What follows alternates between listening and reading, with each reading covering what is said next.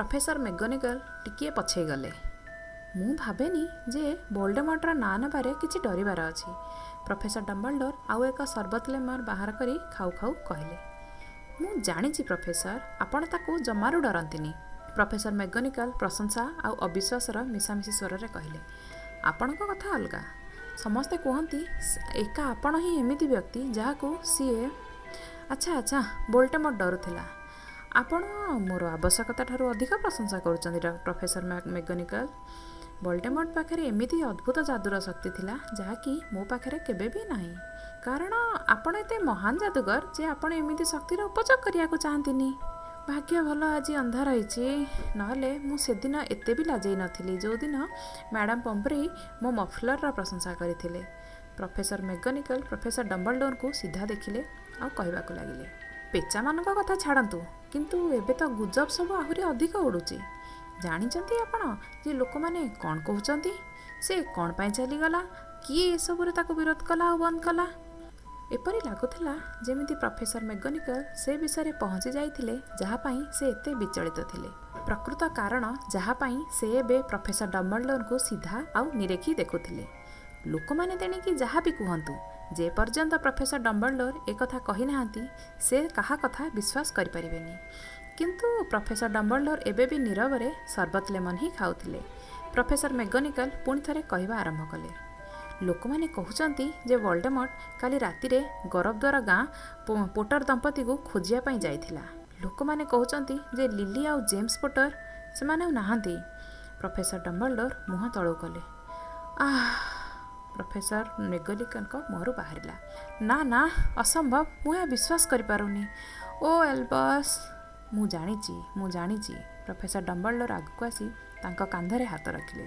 ଥରଥର ଗଳାରେ ପ୍ରଫେସର ମେଗନିକାଲ ପୁଣି କହିବା ଆରମ୍ଭ କଲେ। ଲୋକମାନେ କହୁଛନ୍ତି ଯେ ତାଙ୍କ ଛୋଟ ପୁଅ ହେରିକୁ ବି ସେ ମାରିବା ପାଇଁ ଚେଷ୍ଟା କରିଥିଲା।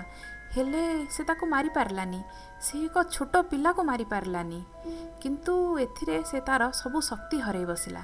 ଜଣା ନାହିଁ କ'ଣ ହେଲା ଆଉ କେମିତି ହେଲା? କିନ୍ତୁ ସେ ଚାଲିଗଲା। ପ୍ରଫେସର ଡମ୍ବଲଡୋର ମୁଣ୍ଡ ତଳକୁ କଲେ ଆଉ ହଁ କଲେ। ଏଇଟା ସତ କଥା ପ୍ରଫେସର? ପ୍ରଫେସର ମେଗନିକାଲଙ୍କ ପାଟି ଖନି ମାରିଗଲା। ଯେବେ ସ- ଏତେ ସବୁ କରିସାରିଥିଲା ଏତେ ଲୋକଙ୍କୁ ମାରିସାରିଥିଲା ତଥାପି ସେ ଏକ ଛୋଟ ପିଲାକୁ ମାରିପାରିଲାନି ତାକୁ କିଏ ବଞ୍ଚେଇବାକୁ ଥିଲା?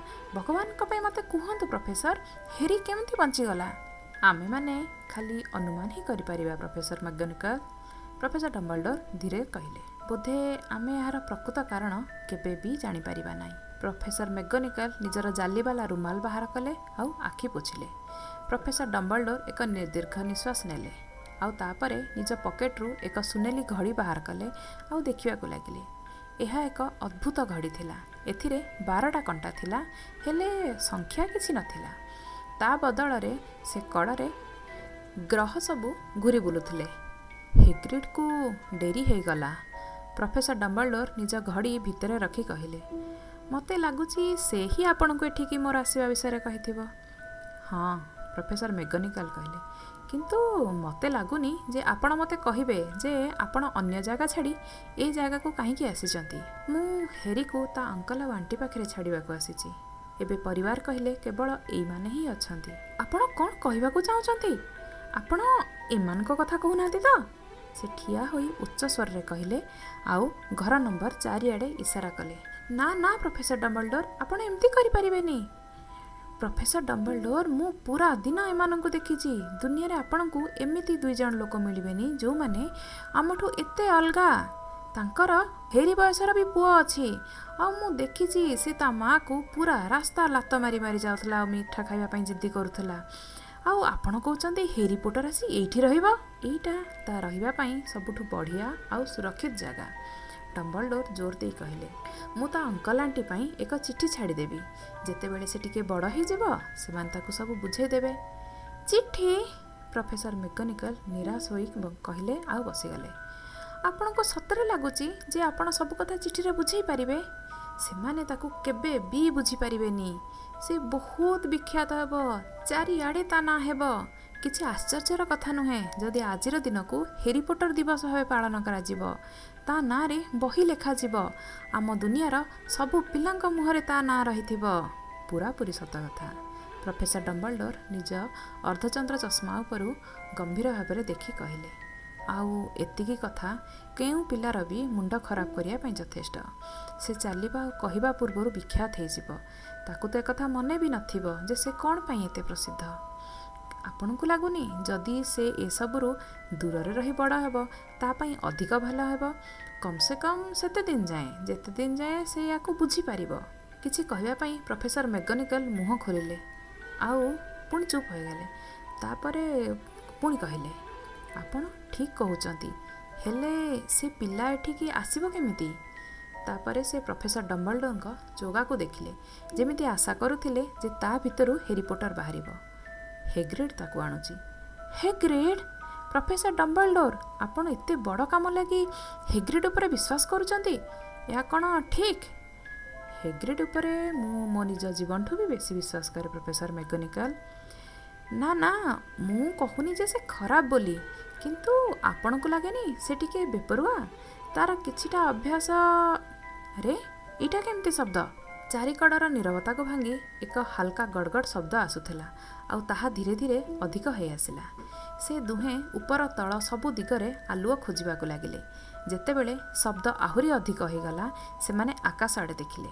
ଏକ ବଡ଼ ମୋଟର ସାଇକେଲ ଶୂନ୍ୟରୁ ହଠାତ୍ ବାହାରିଲା ଆଉ ସାମ୍ନା ରାସ୍ତାରେ ଆସି ରହିଲା। ମୋଟର ସାଇକେଲ ବହୁତ ବଡ଼ ଥିଲା କିନ୍ତୁ ଏହା ସେ ଲୋକ ତୁଳନାରେ କିଛି ବି ନଥିଲା ଯିଏ ତାକୁ ଚଲାଉଥିଲା। ସାଧାରଣ ଲୋକଠୁ ସେ ଦୁଇ ଗୁଣ ଲମ୍ବା ଆଉ କମ୍ ସେ କମ୍ ପାଞ୍ଚ ଗୁଣ ମୋଟା ଥିଲା। ସେ ଏକଦମ ଜଙ୍ଗଲି ଲାଗୁଥିଲା ଆଉ ତାର କଳା ବାଳ ଆଉ ଦାଢ଼ି ସବୁ ମୁହଁକୁ ଅଧାରୁ ଅଧିକ ଘୋଡ଼େଇ ରଖିଥିଲା। ତାର ହାତ କେଉଁ ଡଷ୍ଟବିନ୍ର ଘୋଡ଼ଣୀଠୁ ବି ବଡ଼ ଥିଲା। ଆଉ ଚମଡ଼ା ଜୋତାରେ ତାର ପାଦ ସବୁ ଡଲଫିନ୍ର ଛୁଆ ଭଳି ଦେଖାହେଉଥିଲେ ତାର ବଡ଼ ଆଉ ଶକ୍ତିଶାଳୀ ହାତରେ ଏକ କମ୍ବଳର ପୁଟୁଳି ଥିଲା। ହେ ଗ୍ରେଡ୍ ପ୍ରଫେସର ଡମ୍ବଲଡୋର ଆଶ୍ୱସ୍ତ ହୋଇ କହିଲେ ଆସିଗଲ ଏଇ ମୋଟର ସାଇକେଲ କାହାର? ମୁଁ ଉଦ୍ଧାର ନେଇଛି ପ୍ରଫେସର ଡମ୍ବଲଡୋର ହେଗ୍ରିଡ୍ ମୋଟର ସାଇକେଲକୁ ସାବଧାନତାର ସହ ରଖି କହୁଲା ସିରିୟସ୍ ବ୍ଲାକ୍ ମୋତେ ଏହା କିଛି ସମୟ ଲାଗି ଦେଇଛି। ମୁଁ ତାକୁ ନେଇ ଆସିଛି ପ୍ରଫେସର। କିଛି ଅସୁବିଧା ତ ହେଇନି। ନାଇଁ ସାର୍ ଘର ତ ପୁରାପୁରି ଭାଙ୍ଗି ଯାଇଥିଲା। ମଗ୍ଲୁମାନେ ଜମା ହେବା ପୂର୍ବରୁ ମୁଁ ତାକୁ ସେ ଘରୁ ବାହାର କରି ଆସିଲି। କିନ୍ତୁ ବ୍ରିଷ୍ଟଲ ଉପରେ ଆମେ ଯେତେବେଳେ ଆସୁଥିଲୁ ସେତେବେଳେ ତାକୁ ନିଦ ଲାଗିଲା ଆଉ ସେ ଶୋଇପଡ଼ିଲା। ଡମ୍ବଲଡୋର ଆଉ ପ୍ରଫେସର ମେକାନିକାଲ ସେ ପୁଟୁଳିକୁ ଦେଖିଲେ। ସେଥିରେ ଏକ ଛୋଟ ପିଲା ଶୋଇଥିଲା। ତା ମଥାରେ ଥିବା କଳା ଚୁଟି ତଳେ ଏକ ଅଜବ ଚିହ୍ନ ଥିଲା ଯେମିତି ସେଠି ବିଜୁଳି ମାଡ଼ ହେଇଛି। ଏଇ ଜାଗାରେ ପ୍ରଫେସର ମେକାନିକାଲ ଫୁସ୍ଫୁସ୍ ଆୱାଜରେ କହିଲେ ହଁ ପ୍ରଫେସର ଡମ୍ବଲଡୋର କହିଲେ ତା ମଥାରେ ଏ ଚିହ୍ନ ପୁରା ଜୀବନ ରହିବ। ଆପଣ ଏ ବିଷୟରେ କିଛି କରିପାରିବେନି ଡମ୍ବଲଡୋର ମୁଁ ଯଦି କିଛି କରିପାରିଥାନ୍ତି ତେବେ ବି କିଛି କରିନଥାନ୍ତି ପ୍ରଫେସର ମେକାନିକାଲ ଘାର ଚିହ୍ନ କେବେ କେବେ ବହୁତ କାମରେ ଆସିଥାଏ। ଯେମିତିକି ମୋ ବାଁ ଗୋଡ଼ରେ ଏକ ଚିହ୍ନ ଅଛି ଯାହା ଲଣ୍ଡନର ଅଣ୍ଡରଗ୍ରାଉଣ୍ଡର ଏକ ବହୁତ ସୁନ୍ଦର ନକ୍ସା। ଛାଡ଼ ତାକୁ ମୋତେ ଦିଅ ହେଗ୍ରେଡ୍ ଆମେ ଏ କାମକୁ ଯେତେ ଜଲ୍ଦି ସାରିଦେବା ସେତେ ଭଲ। ପ୍ରଫେସର ଡମ୍ବଲଡୋର ହେରିକୁ ନିଜ କୋଳକୁ ନେଲେ ଆଉ ଡସ୍ଲି ଘର ଆଡ଼େ ମୁହାଁଇଲେ। ମୁଁ ତାକୁ ବିଦା ଦେଇପାରିବି ହେଗ୍ରେଡ୍ କହିଲା। ଆଉ ନିଜର ବଡ଼ ବାଳବାଲା ମୁଣ୍ଡକୁ ତଳୁ କରି ହେରିକି ଚୁମି ନେଲା ଆଉ ହଠାତ୍ ତା ମୁହଁରୁ କୁକୁର ବା କାନ୍ଦିଲା ଭଳିଆ ଶବ୍ଦ ବାହାରିଲା। ଧୀରେ ମଗଲୁ ଉଠି ପଡ଼ିବେ?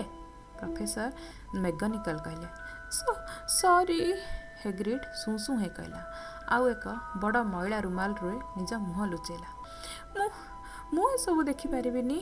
ଲିଲି ଆଉ ଜେମ୍ସ ମରିଗଲେ। ବିଚରା ହେରିକୁ ମଗଲୁମାନଙ୍କ ପାଖରେ ରହିବାକୁ ପଡ଼ିବ। ହଁ ହଁ ଏଇଟା ବଡ଼ ଦୁଃଖର କଥା। କିନ୍ତୁ ନିଜକୁ ସମ୍ଭାଳ ହେଗ୍ରିଡ୍ ନହେଲେ ଲୋକମାନେ ଆମକୁ ଦେଖିନେବେ। ପ୍ରଫେସର ମେକାନିକାଲ ଫୁସ୍ଫୁସ୍ ଆୱାଜରେ କହିଲେ ଆଉ ହେଗ୍ରିଡ୍ର ହାତକୁ ଧୀରେ ଧୀରେ ଥାପୁଡ଼େଇବାକୁ ଲାଗିଲେ ପ୍ରଫେସର ଡମ୍ବଲଡୋର ବଗିଚାର ଛୋଟ କାନ୍ଥ ପାର କରି ସାମ୍ନା କବାଟ ପର୍ଯ୍ୟନ୍ତ ଗଲେ ଆଉ ସିଡ଼ିରେ ହେରିକୁ ଆସ୍ତେ ଶୋଇଦେଲେ ତାପରେ ନିଜ ଚୋଗା ଭିତରୁ ଏକ ଚିଠି ବାହାର କରି କମ୍ବଳ ଭିତରେ ସାବଧାନତାର ସହିତ ରଖିଲେ ଆଉ ସେ ଦୁଇ ଜଣଙ୍କ ପାଖକୁ ଫେରି ଆସିଲେ। ପୁରା ଏକ ମିନିଟ୍ ପର୍ଯ୍ୟନ୍ତ ତିନି ଜଣ ନୀରବରେ ହେରିକୁ ଦେଖିବାକୁ ଲାଗିଲେ।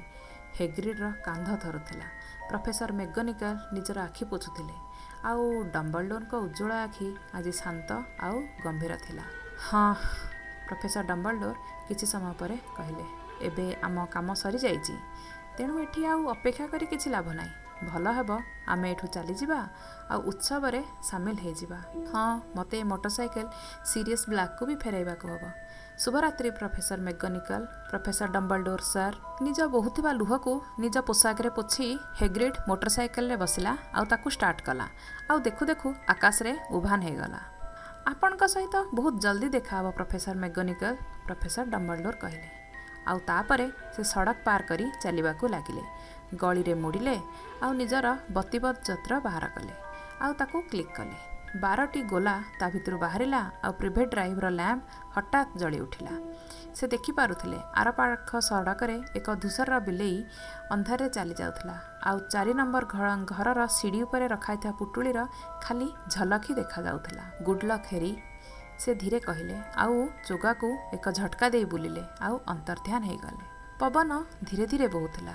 ଆଉ ସବୁକିଛି ଶାନ୍ତ ଆଉ ବ୍ୟବସ୍ଥିତ ଥିଲା। ହେରି ପୋଟର ଶୋଇ ଶୋଇ କମ୍ବଳ ଭିତରେ କଡ଼ ଲେଉଟାଇଲା ଆଉ ସେ ଚିଠିକି ଧରିନେଲା। ସେ ଜାଣିନଥିଲା ଯେ ସେ ଅଲଗା ଥିଲା। ସେ ପ୍ରସିଦ୍ଧ ଥିଲା। ସେ ଇଏ ବି ଜାଣିନଥିଲା ଯେ କିଛି ସମୟ ପରେ ତା ନିଦ ମିସେସ୍ ଡସ୍ଲିଙ୍କ ଚିତ୍କାରରେ ଭାଙ୍ଗିବ। ଯେବେ ସେ କ୍ଷୀର ପାଇଁ ସାମ୍ନା କବାଟ ଖୋଲିବେ। ସେ ଇଏ ବି ଜାଣିନଥିଲା। କିଛି ସପ୍ତାହ ପର୍ଯ୍ୟନ୍ତ ତା ଭାଇ ଡଡଲି ତାକୁ ବହୁତ ହଇରାଣ କରିବ। ଆଉ ସେ ଇଏ କଦାପି ଜାଣିପାରିବନି ଯେ ଏବେ ପୁରା ଦେଶରେ କିଛି ଲୋକ ଲୁଚି ଲୁଚି ତା ନାଁରେ ଉତ୍ସବ ମନାଉଛନ୍ତି ଗ୍ଲାସ୍ ଉଠେଇ ଅଭିବାଦନ କରୁଛନ୍ତି ହେରି ପୋଟର ନାଁରେ।